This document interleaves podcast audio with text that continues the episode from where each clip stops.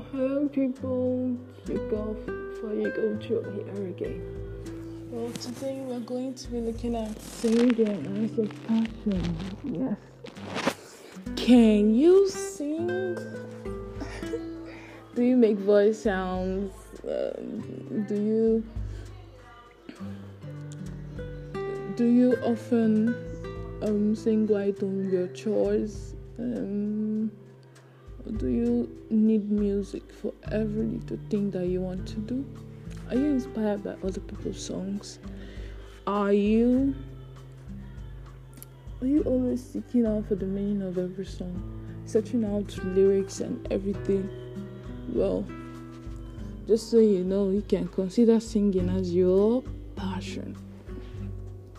I too sing. Yeah, I sing for fun.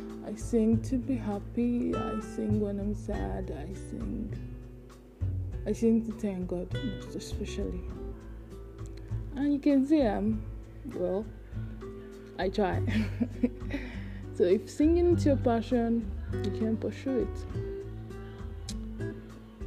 Watch tutorials, videos on how um, voice techniques, how to keep your voice, how to train your voice, how to make sure you're not eating things that are going to destroy your voice. You know, like cold water, it isn't good for your voice. You should do more of bananas, swallowing them whole and stuff.